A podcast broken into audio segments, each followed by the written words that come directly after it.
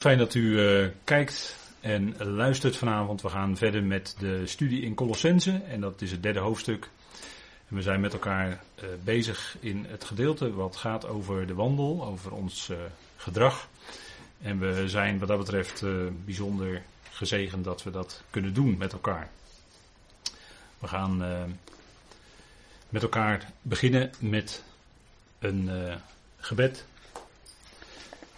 Zullen we dat doen met elkaar? We beginnen met gebed. Vader, we danken u dat we met elkaar deze studieavond mogen houden. We danken u voor de geweldige brief aan de Colossensen. We danken u dat u ons rijk zegent en alles geeft wat nodig is. We danken u dat we in uw liefde geborgen zijn, mogen leven. We danken u voor uw trouw en goedheid, voor uw genade die genoeg is. We danken u dat u ons zo samenbrengt rondom dat woord, dat u ons het oor te luisteren heeft gelegd.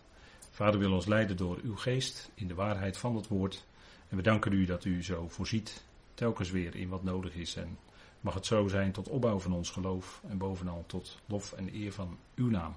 We danken u daarvoor in de naam van uw geliefde zoon. Amen. Goed, we kijken met elkaar naar Colossensen hoofdstuk 3,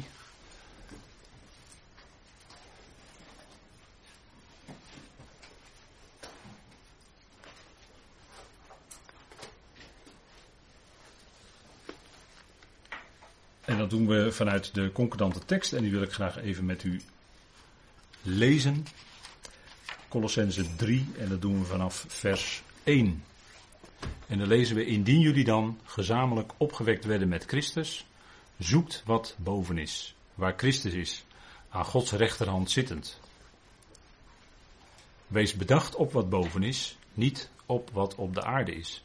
Want jullie zijn gestorven en jullie leven is verborgen met Christus in God. Wanneer Christus ons leven openbaar gemaakt wordt, dan zullen ook jullie met hem openbaar gemaakt worden in heerlijkheid. Breng dan ter dood jullie leden die op de aarde zijn, hoererij, onreinheid, hartstocht, kwade begeerte en de hebzucht, die afgodendienst is, waardoor de verontwaardiging van God komt over de zonen van de weerspannigheid, onder wie ook jullie eens hebben gewandeld toen jullie daarin leefden. Maar nu legt ook jullie dit alles af. Toren, gramschap, kwaadaardigheid, lasteringen, vuile taal uit jullie mond. Ligt niet tegen elkaar, de oude mensheid met haar praktijken afgestroopt hebbend. En aangedaan hebben die jongen die vernieuwd is tot erkenning, in overeenstemming met het beeld van hem die haar schept, waarin geen Griek of Jood, besnijdenis of onbesnedenheid, barbaar, skiet, slaaf, vrije is, maar alles en in allen is Christus. Doe dan aan als uitverkorene Gods, heiligen en geliefden, medelijdend mededogen, mildheid, ootmoedige gezindheid, zachtmoedigheid, geduld. Elkaar verdragend en wederzijds genade schenkend, in geval iemand tegen iemand een klacht heeft, zoals jullie ook, zoals ook de Heer jullie genade schenkt, zo ook jullie. Tot zover de tekst voor vanavond. En we kijken op dit moment in vers 11 van Colossense 3. En daar lezen wij over die nieuwe jonge mensheid. Daarin is een geweldige eenheid. Colossense 3, vers 10 en vers 11. Aandoend de jonge die vernieuwd is tot erkenning, lezen we in vers 10. De jonge mensheid, en dat hebben we de vorige keer ook al even aangegeven. De jonge mensheid, dat is eigenlijk de aanvang van de nieuwe mensheid. In de geest verjongd. Dat klinkt bijvoorbeeld ook in Efeze 4. Laten we het even met elkaar opzoeken in de concordante tekst. Efeze 4. En dan vanaf vers 22. Efeze 4, vers 22 en 23. En daarin lezen we ook de geweldige tegenstelling tot de oude mensheid. Efeze 4, vers 22. En ik lees u dat voor uit de concordante tekst. Opdat jullie afleggen wat in overeenstemming is met het eerdere gedrag, de oude mensheid, die verdorven is, in overeenstemming met de begeerte van de verleiding. Opdat jullie echter verjongd worden in de geest van jullie denkzin. en de nieuwe mensheid aandoen. Nou, in de geest, het is dus een geestelijk gebeuren, maar dat uitzicht in het gedrag. Oude en uh, nieuwe mensheid, dat heeft te maken met ons gedrag. Het is iets wat je aflegt, hebben we vorige keren gezien, en het is iets wat je aandoet. En die nieuwe mens, die doen we aan. En daartoe geeft God ons zijn geest. En die werkt in onze geest, zodat onze geest verjongd wordt. Dat is een prachtige beeldspraak. Zoals verjonging ook zichtbaar is, bijvoorbeeld in de natuur. Elk jaar is het voorjaar en dan komt daar nieuw leven tevoorschijn. Dode takken blijken toch leven in zich te hebben, want er komen blaadjes aan, bloesems en noem maar op. Uh, het is geweldig. Een verjonging elk jaar in de natuur. Steeds weer nieuwe bloesems, nieuwe vrucht gaat er komen. En die bomen doen als het ware dan ook iets nieuws aan. Hè. daarin zie je ook daar eigenlijk datzelfde aspect.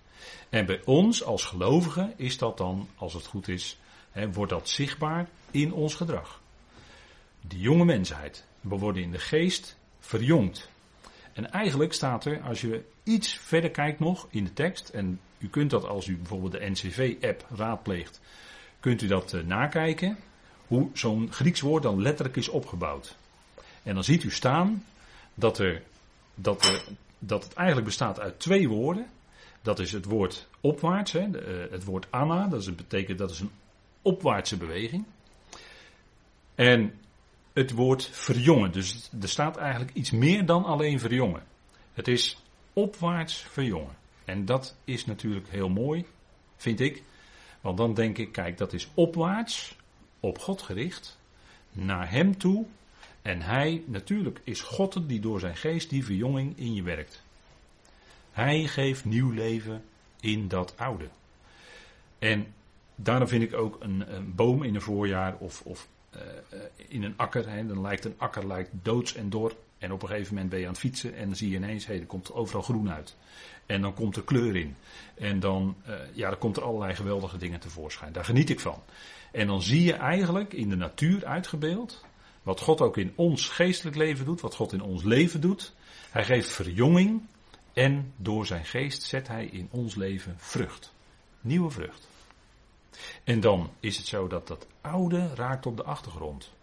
En ik vind altijd een mooi voorbeeld de apostel Paulus zelf. Paulus die altijd zo enorm praktisch gericht is.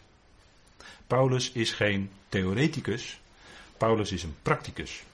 En hij geeft steeds aan in zijn brieven, en eigenlijk is al dat onderwijs erop gericht dat dat nieuwe, wat is tot eer van God, want daar gaat het om. Het gaat er niet om dat je kan zeggen, kijk mij eens, kijk eens wat ik allemaal voor geweldigs doe.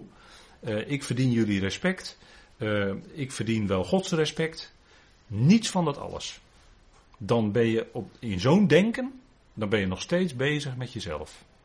Waar het om gaat is dat die geest van God in ons vrucht zet.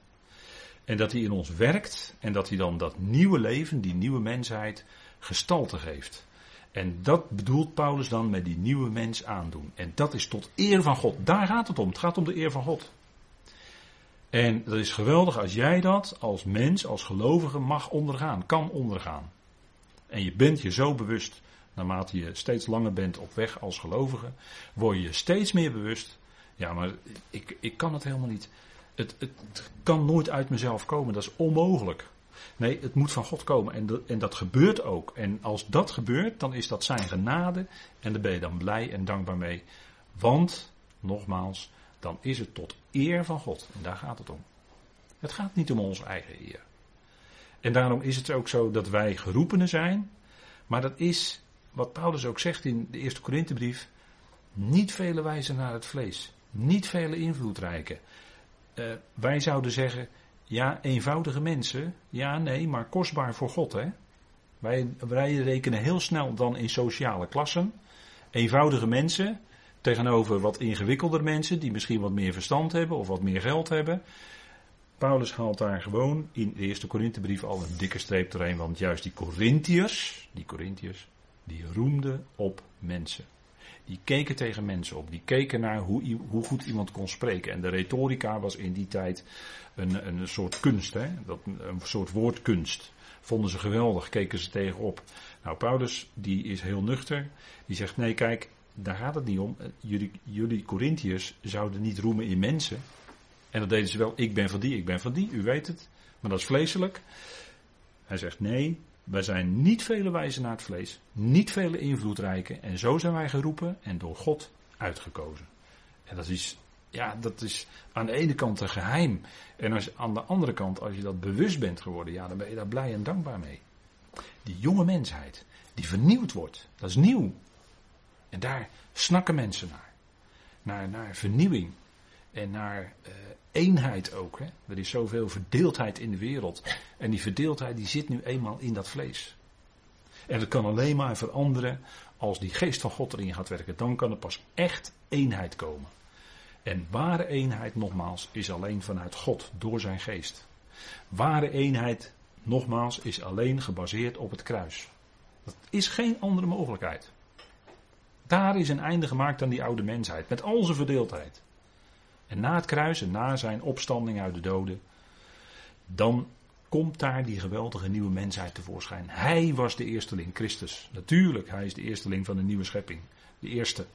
Maar dat is de garantie dat die hele oogst ook gaat komen. Dat er een hele nieuwe schepping komt, een hele nieuwe mensheid. Ja, dat is natuurlijk fantastisch, hè? Dat is geweldig. Daar kijken we naar uit. En kijk, dat, dat vernieuwen, dat is tot erkenning staat er, hè? hebben we gelezen met elkaar. Colossense 3. Colossense 3. En we worden op de tekst gericht, Colossense 3. En we zijn op die woorden van God helemaal gericht. Colossense 3 staat, die vernieuwd is tot erkenning. Tot erkenning eigenlijk van wat, zo moet je dan als bijbellezer afvragen. Want Gods woord is niet altijd zo eenvoudig. En dat is ook helemaal niet de bedoeling. Je leest het niet als, uit als was het een roman, want die lees je hooguit één of twee keer en dan weet je het. Nee, Gods woord, dat moet je bestuderen. Daar moet je aan werken. Um, en, en natuurlijk, dat verlangen zit in je als gelovige. Dat verlangen geeft God ook in je, natuurlijk. natuurlijk. Maar je zou er wel tijd aan besteden. Kijk, altijd dat principe, hè, altijd dat principe wat, wat, wat je eigenlijk vanaf het begin van je geloofsleven al leert. Geloof komt door horen. Horen naar het woord van de waarheid. Is geen andere mogelijkheid. En natuurlijk, horen is ook de schrift lezen, want dan hoor je het ook. En het is mooi als je het voor jezelf kan voorlezen, dan hoor je het jezelf ook nog uitspreken. En dan hoor je ook die schrift. En dat is wat, wat, wat Israël ook altijd voorgehouden werd. Hoor Israël, hoor. De Heere jullie God is één. Echat. Dat kent een Jood als die met die schrift is grootgebracht als geen ander. En dat zit er zo diep ingebracht, van jongs af aan. En dat is het geheim. Hè? Tot erkenning. Geloof komt door horen. En diepere erkenning komt ook door horen. Dat is wat God geeft gaandeweg in de loop van de jaren. Je kunt niet in één jaar tot volledige erkenning van al die waarheden van Paulus komen. Dat is onmogelijk. Dat doe je jaren over. Dat het tot je doordringt. Dat die genade tot je doordringt. Dat je ook echt in en door en uit genade kunt leven. Dat is de erkenning van de genade van God. Dat is niet zomaar iets wat je even 1, 2, 3 verstandelijk kunt opdoen. Nee, dat, dat gaat door een leven heen. Daar leer je mee leven. Dat je gered bent en leeft in genade. En dat is iets heel anders dan in wet. Dat is echt het tegenovergestelde daarvan. Dat hebben we duidelijk gezien in de Galatenbrief. En dat gaat om, als we kijken, die vernieuwd is tot erkenning.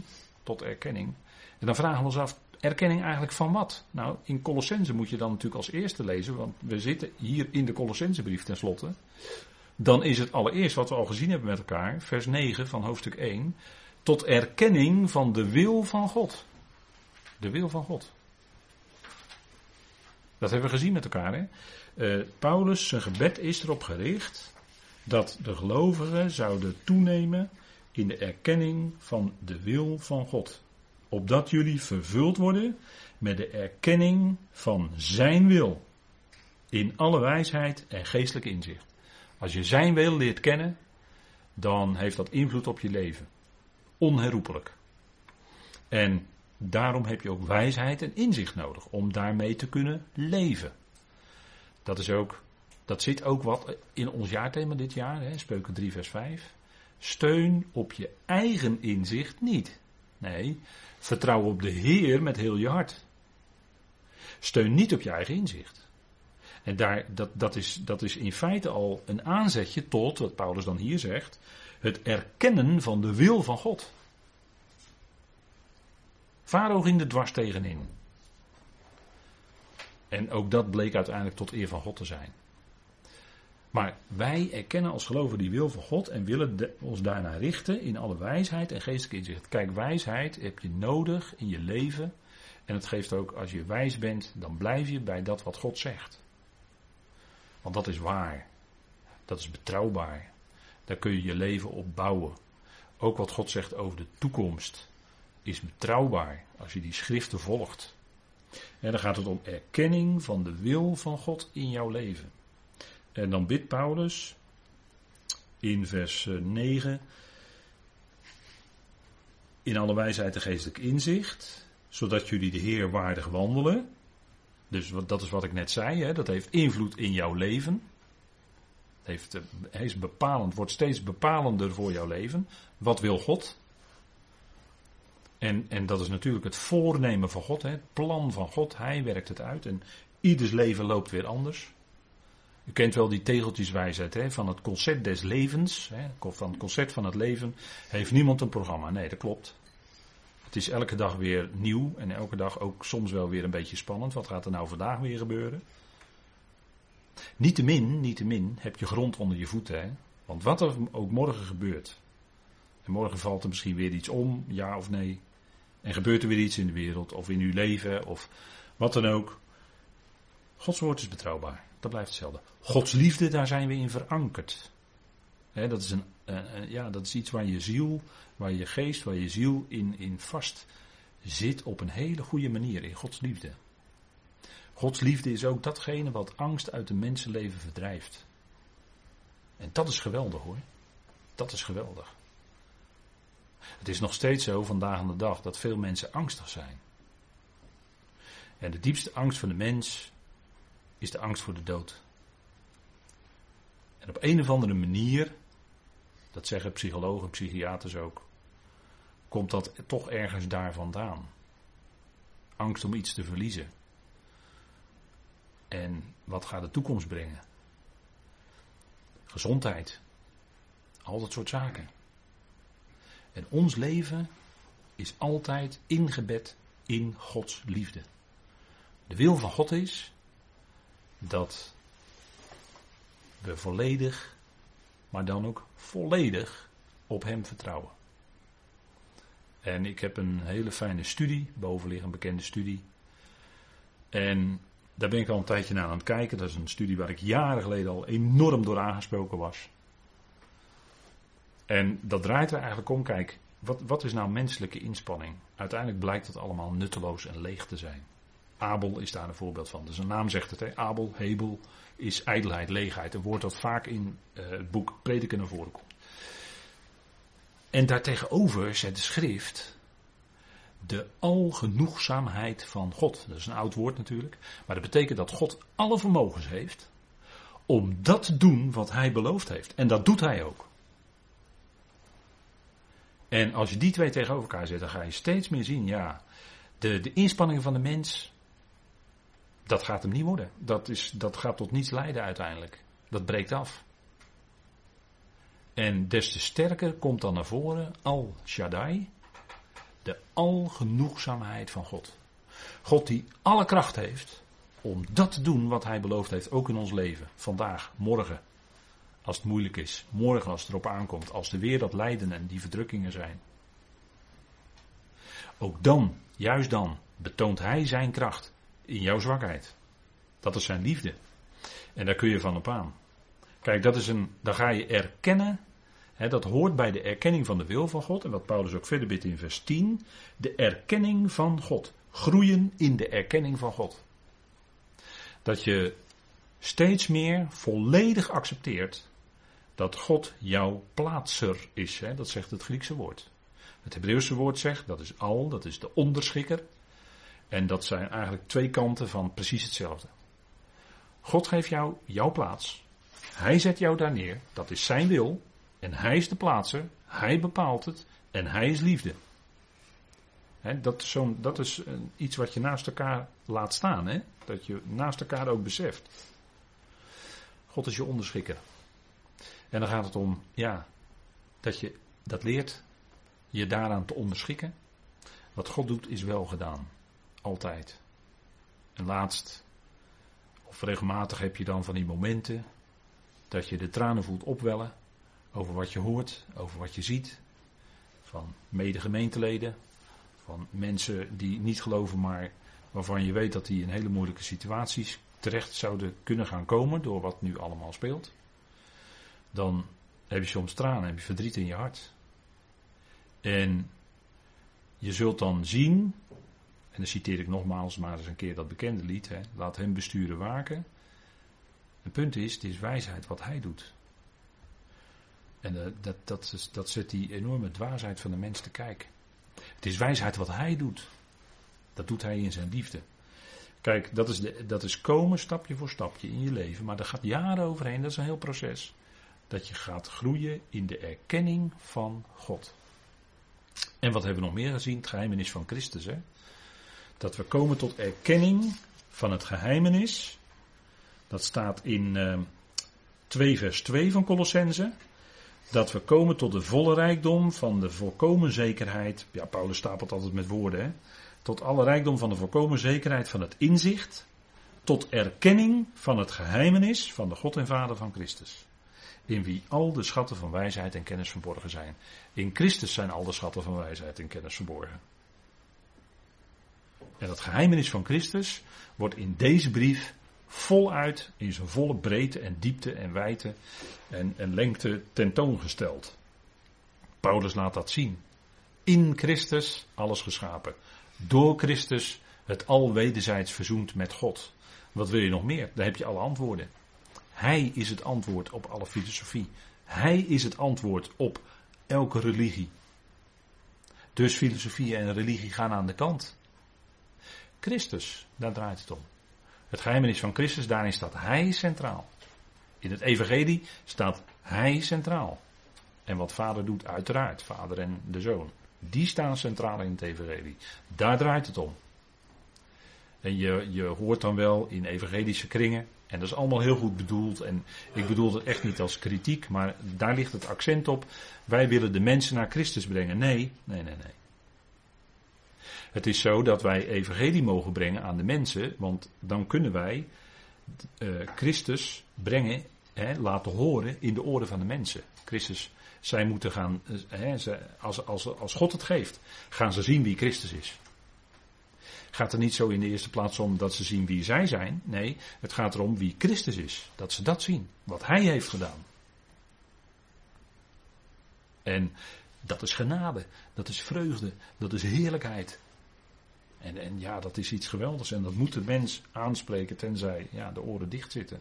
Dat was bij Stefanus zo, hè, bij het Sanhedrin. Toen Stefanus het Sanhedrin toesprak, toen renden ze op hem af en ze schreeuwden en ze stopten hun oren dicht. En was heel tekenend, want hun oren zaten ook dicht. Ze hoorden het wel, maar het drong niet door. En dat gebeurt ook bij mensen. En goed, daar blijf je dan verder vanaf. Dat is Gods zaak. Of God een hart opent. Dat deed hij wel bij Lydia, de purperverkoopster. Hij opende het hart. Kunnen wij niet doen. Maar we kunnen het wel aanreiken, voorzichtig. En dan wat God geeft, hè. Dat is erkenning. Dat is uh, verder dan alleen kennis nemen van. Hè. Dat kan nog allemaal verstandelijk zijn in traditie. Maar erkenning, daar gaat het veel verder. Dan, ja, dan, dan dringt het door diep in je wezen. Dan ga je dat heel bewust worden. Dan ga je dat heel diep van binnen beseffen. Dat het ook echt zo is. En dan gaat het je leven bepalen. Dat is erkenning. In overeenstemming staat er dan, we zijn nog steeds in dat uh, tiende vers, in overeenstemming, zegt Colossense 3, met het beeld van hem die haar schept. En wat is dan dat beeld van hem? Dat is Christus. En wij worden gelijkvormig aan het beeld van de Zoon. Het punt is dat God de schepper is. En dat is zijn heerlijkheid. En ieder die dat ontkent, die doet af aan de heerlijkheid van God. God is de schepper. God is de bron van alles. Geleerden noemen dat, uh, geleerden hebben het over een, ooit een oerknal. En dan zijn ze heel geleerd. Maar dat is theoretisch natuurkundig gezegd. Theoretisch natuurkundig gezegd.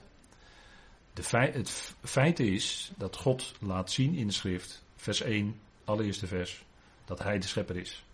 Dat is gewoon de waarheid. God is de schepper van alles. In Christus. Dat is de waarheid. En daar kunnen mensen natuurlijk van alles van vinden. Kunnen ze tegen het hoop lopen, gaan vloeken, noem alles maar op. Maakt geen enkel verschil.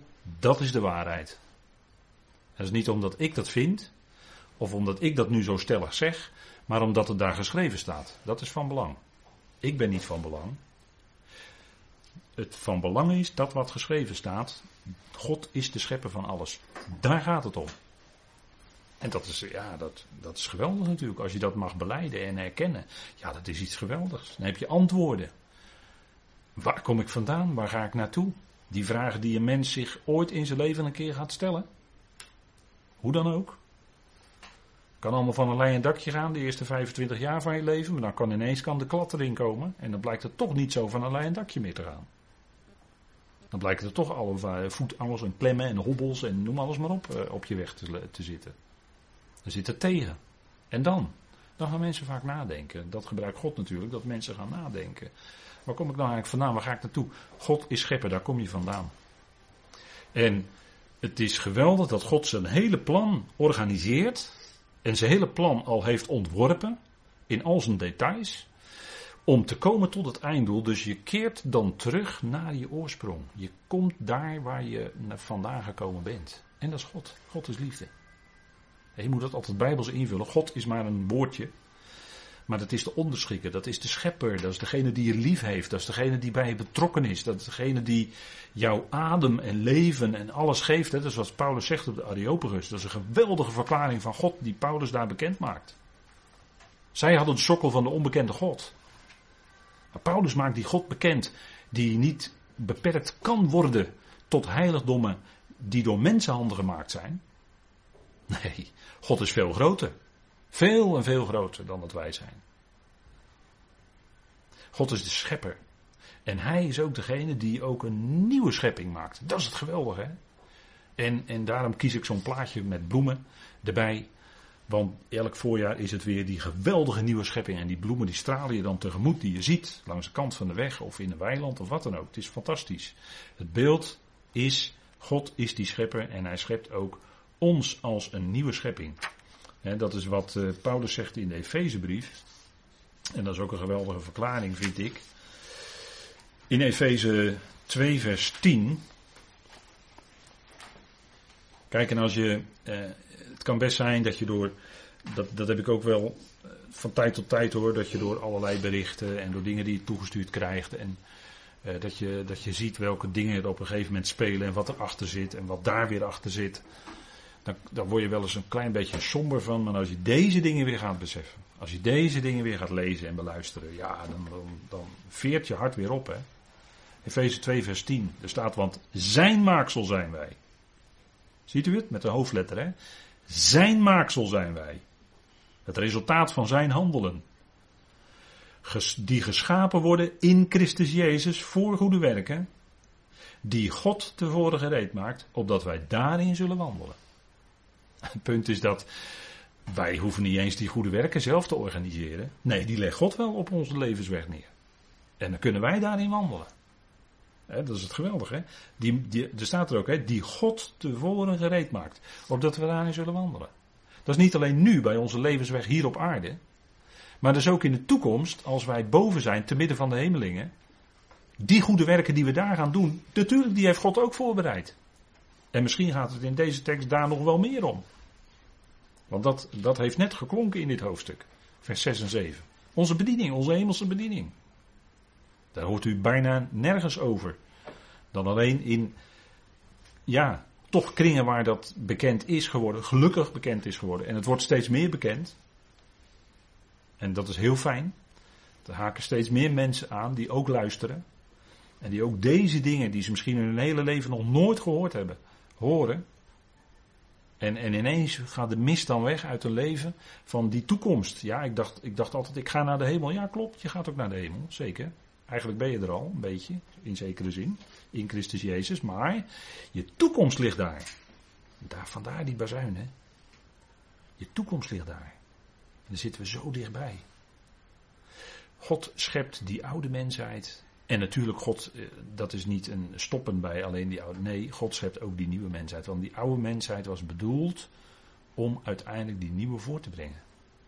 Die oude mensheid was eigenlijk bedoeld dat zijn zoon zou komen als mens op deze aarde. Om te lijden en te sterven voor die oude mensheid. Zodat die oude mensheid ook al mee kon nemen het graf in. Maar ook het graf weer uit. Want hij werd opgewekt als eersteling van de nieuwe schepping. Van al die mensen. En al die mensen die gaan komen. Wat een geweldige oogst is dat. Hè? Wat een rijke oogst. Zoals eh, de profeet Jezaja, die heeft nooit bevroed wat hij daar zei in Jezaja 53. Van de zoon zegt hij dan van de Messias in Jezaja 53, wat niet gelezen wordt in de Messias, in de, wat niet gelezen wordt in de synagogelezingen, daar lezen zij Jezaja 53 niet. Helaas, helaas. Daniel lezen ze ook niet. Is toch wel veel betekenend, lijkt mij. Jezaja 53. Daar zegt de profeet van de Messias dat hij veel nakomelingen of veel zaad zal zien. En dat is heel erg veel, want dat is namelijk die hele mensheid. Die zal hij zien als vrucht op zijn werk. Ah, dat is natuurlijk geweldig, hè, dat dat in de toekomst allemaal duidelijk gaat worden. En dat is het beeld van God, dat is Christus, hè, dat moeten we nooit vergeten.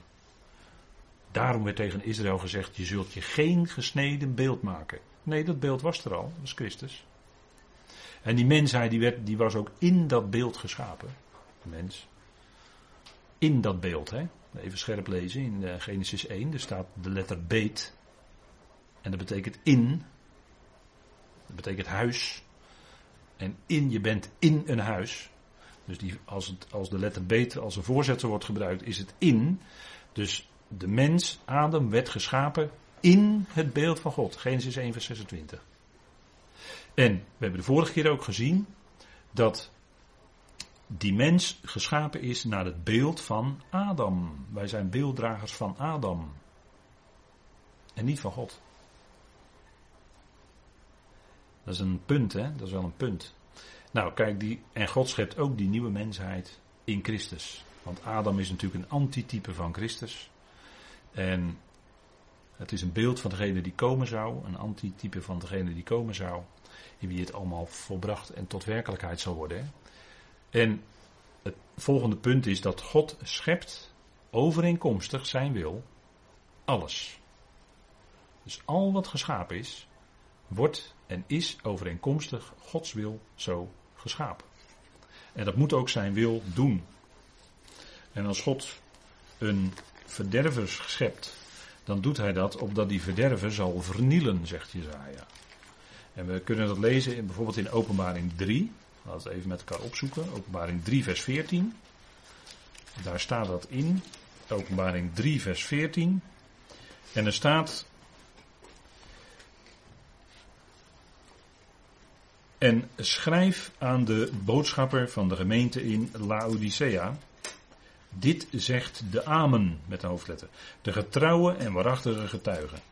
Het begin van Gods schepping. Dat is natuurlijk Christus. Hier gaat het over Christus. Hij is het begin of de oorsprong van Gods schepping. Het komt allemaal bij hem vandaan. Paulus zegt in 1 Colossense 1 vers 16 dat het al in hem, dat is in de zoon van zijn liefde, dat is Christus, en door hem en tot hem geschapen is. En dat is ook dus met een doel, hè, in dat tot, dat is letterlijk naar binnen, dat is een doel aan, aanduidend in het Grieks er staat het Griekse woordje ijs. Mag u gelijk weer vergeten, maar ik laat het klinken, omdat ik graag wil laten klinken wat er echt staat geschreven. Daar gaat het om.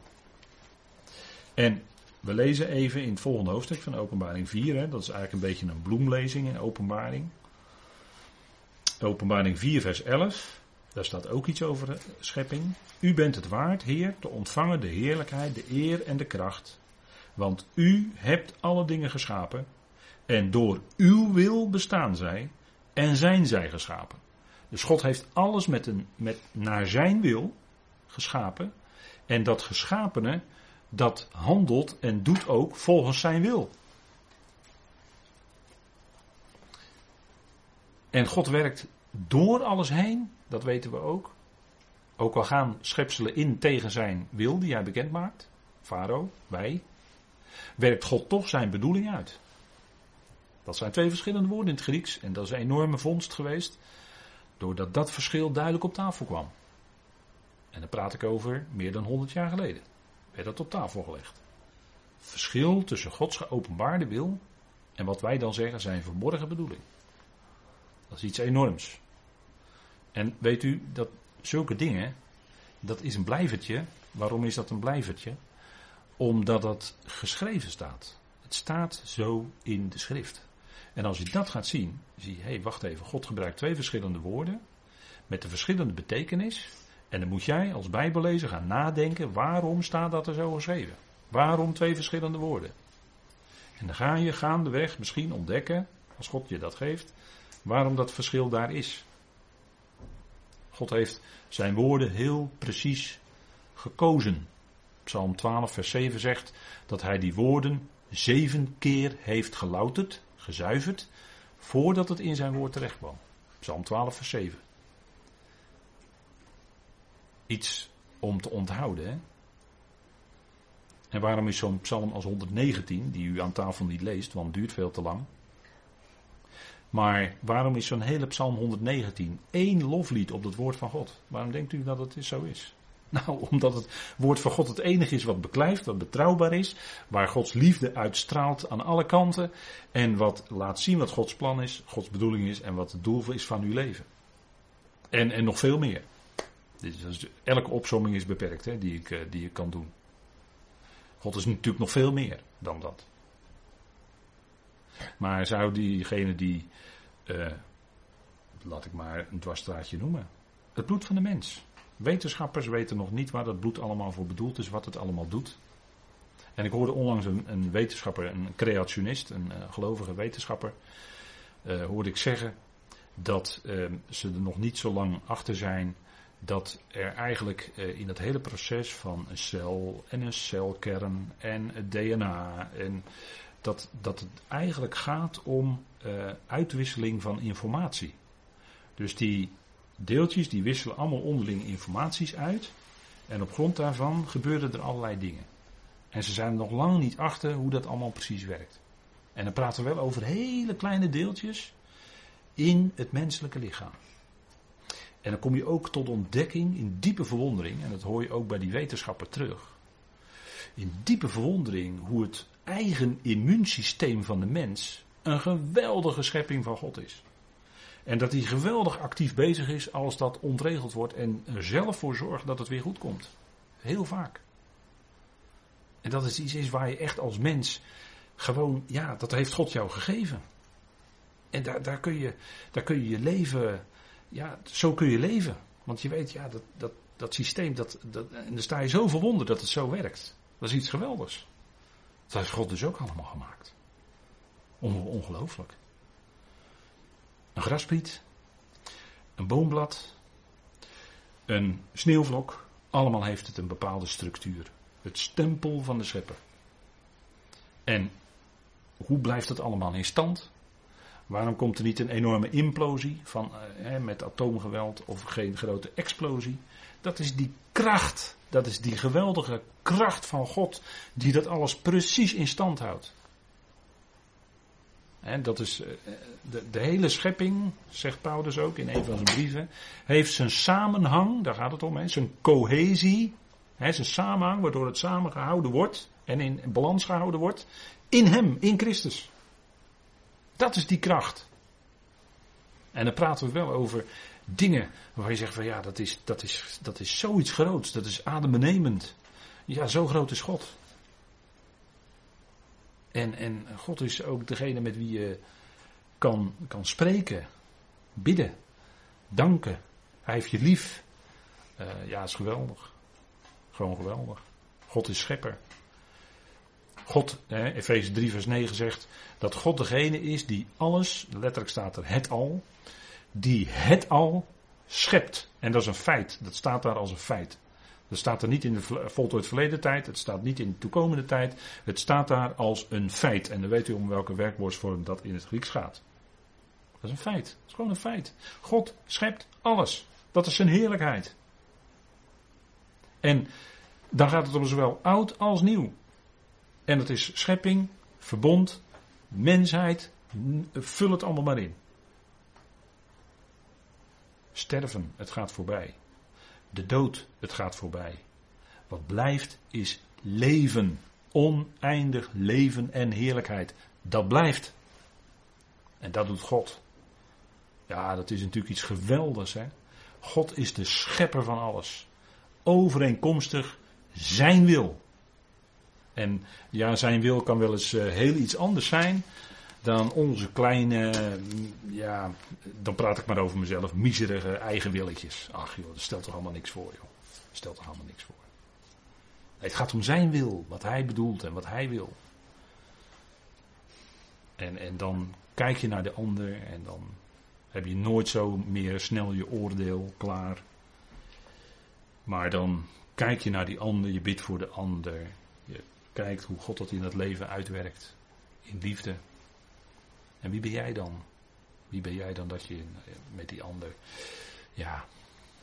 Kijk, in die schepping, die oude schepping. Daar, daar zette God die mens. Hè, in die oude tot de herstelde wereld. Hebben we vorige keer wat langer bij stilgestaan. Schept God de mens. Iets nieuws. Dat moeten hemelingen verbaasd hebben. Daar sta je niet zo bij stil, hè, dat in Genesis 2 en 3 staat, het schepping, staat de schepping van de mens beschreven. Maar dat heeft de hemelingen verbaasd. Die oude schepping die was hersteld, die was geruineerd door de tegenwerker enzovoort en zijn trawanten, revolutie, hè, revolte. En God herstelde dat. En in dat, in, dat, in, dat, in dat grote herstel zette God, schiep God dat mensenpaar. En dat moet voor de, voor de, voor de hemelingen iets enorms geweest zijn. Want het was daarvoor nog niet bekend. De Bijbel spreekt in ieder geval niet over een pre-Adamitisch geslacht. De theorieën zijn daarover wel natuurlijk, maar de schrift spreekt daar niet over. En dat maakt ons erg terughoudend om daar conclusies aan te verbinden. En misschien zegt u, nou, ik heb daar wel een idee over. Ja, ik heb daar ook wel een idee over. Maar dat is niet zo belangrijk. Want de schrift zegt daar niks over. Die mens was een unieke nieuwe schepping van God. En die zet hij in de hof in Weelde. Eigenlijk, hè. Eden staat al, maar het betekent eigenlijk Weelde, hè. dat woord Eden. En de, die mens werd geschapen met een lichaam van uh, vlees en bloed.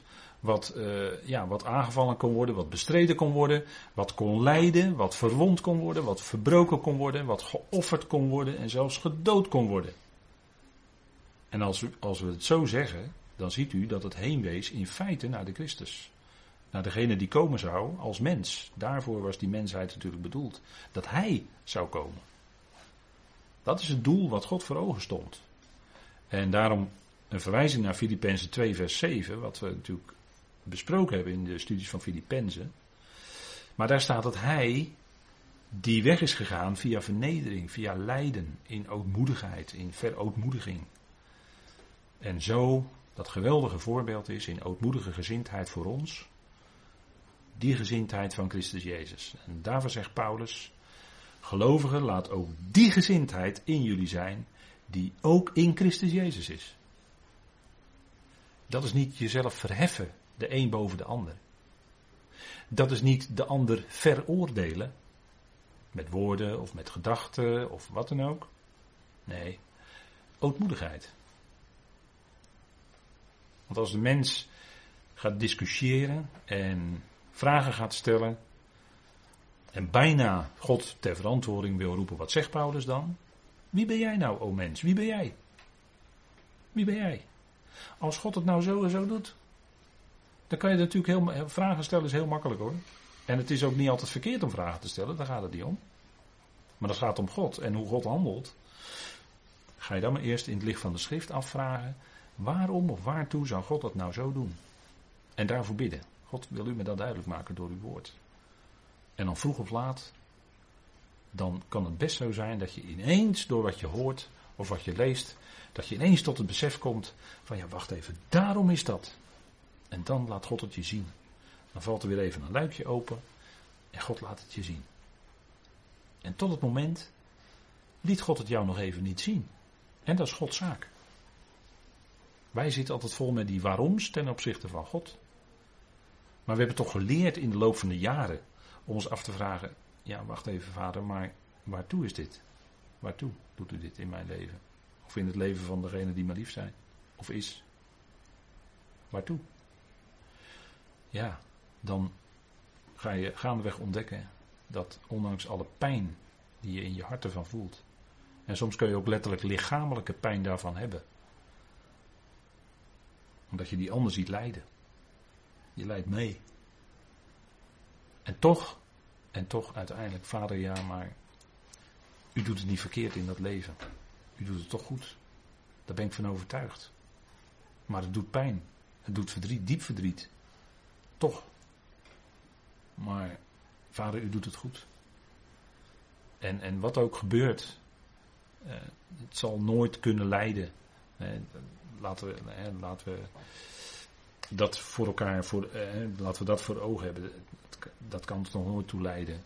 Omdat we toch de antwoorden hebben mogen krijgen uit de schrift. Het kan best zijn dat er iemand uit ons midden, en dat is in het verleden ook wel gebeurd, plotseling wegvalt door overlijden. Kan gebeuren. En dat is moeilijk, daar heb je verdriet van. Je mist diegene. Maar aan de andere kant hebben we toch ook die geweldige belofte van de toekomst, van de opstanding. Dat God ook leven zal geven uit de dood. Het is niet alleen sterven en de dood, maar er zal ook leven zijn in de toekomst. En wat we dan doen is begraven, dat is zaaien in de verwachting van de opstanding. Die dode akker blijft geen dode akker, maar het zal leven zijn uit de doden. En dat zal God doen. En dat is natuurlijk geweldig. Dat is geweldig. Als je zo kan leven, hè, dan, dan heb je troost in het verdriet. Wat is je troost? Je troost is dit. Dat God dat gaat veranderen in de toekomst en dat Hij zal leven geven. Dat Hij diegene zal opwekken uit de dood. Dat is je troost. En dat doet Hij bij de bazuin voor ons. Ja, dat is natuurlijk geweldig. En die mensheid, die moest in die gebrokenheid komen, die moest in dat stervensproces komen. Dat was Gods bedoeling, dat was en dat is ten diepste toch Gods wijsheid, want zo kan hij laten zien wie hij is. Zo kan hij zijn heerlijkheid laten zien. Ja, en die heerlijkheid zal blijken in de toekomst. Ja, dat zal zo onvoorstelbaar groot zijn. Daar hebben we nog geen idee van. Het zou zo overweldigend zijn dat we inderdaad dat verheerlijkte lichaam nodig hebben. Om, om die heerlijkheid te kunnen ondergaan. Want voor nu in dat oude lichaam, nu in dat vernederde, zou het gewoon veel te veel zijn. Dat kunnen we niet verdragen. Zoveel heerlijkheid. Maar in het nieuwe lichaam wel. En dan zal het ook zo zijn. Nou, we gaan even met elkaar pauzeren. En dan gaan we na de pauze met elkaar weer verder met deze Colossensen.